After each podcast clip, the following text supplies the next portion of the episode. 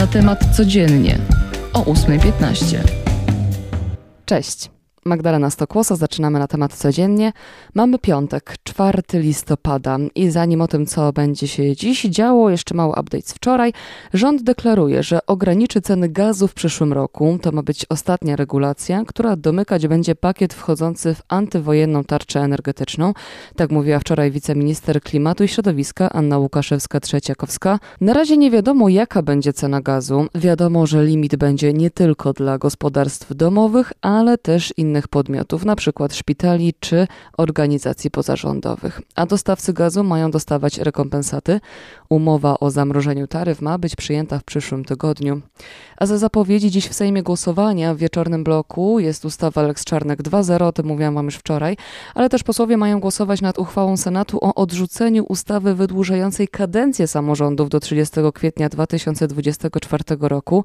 Izba Wyższa odrzuciła ją pod koniec października. Oprócz tego głosowanie nad poprawkami do noweli prawa energetycznego, która znosi tak zwane obligo giełdowe. Przechodzimy do sportu, no bo co to był za mecz? Iga Świątek zalicza kolejny mecz bez straty seta w turnieju WTA Finals Fort Worth i już jest pewna udziału w półfinale. Pokonała Caroline Garcia, choć francuska w pierwszym secie mocno namieszała i miała bardzo dobry start. Początek gry był bardzo wyrównany, ale później Polka pokazała no to, co wszyscy widzimy w tym sezonie, że to jest jej sezon. Szła jak burza, wygrała 6-3, 6-2. Kolejny pojedynek Polka stoczy z Gauff i to już w niedzielę. Piękną wiadomość przeczytałam dzisiaj, że uwaga, część poleskich żurawi przeleciała już nad Alpami i dotarła na zimowisko do Hiszpanii, a inne odpoczywają sobie obecnie przed dalszą podróżą na Węgrzech.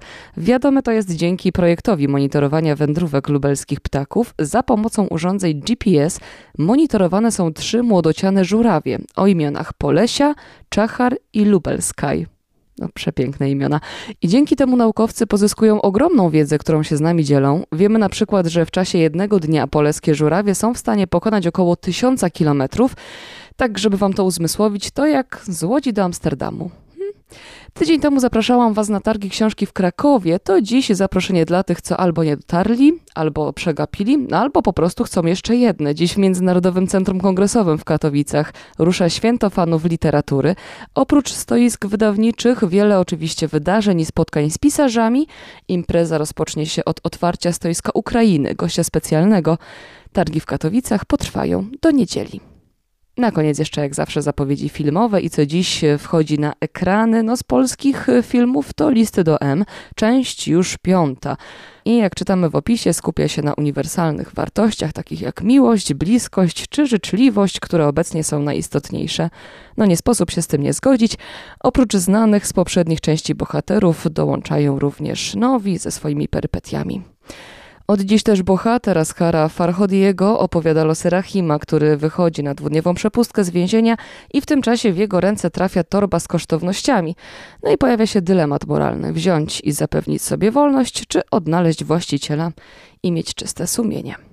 No i jeszcze jedna zapowiedź, bo na Kanal Plus od dziś druga część polskiej wersji The Office i znów akcja rozgrywać się będzie w Siedlcach w Kropliczance. Co ważne dla wielu osób oglądających seriale, od razu dostępny będzie cały sezon. I to na dziś tyle. Magdalena Stokłosa, dzięki. Do usłyszenia. Cześć.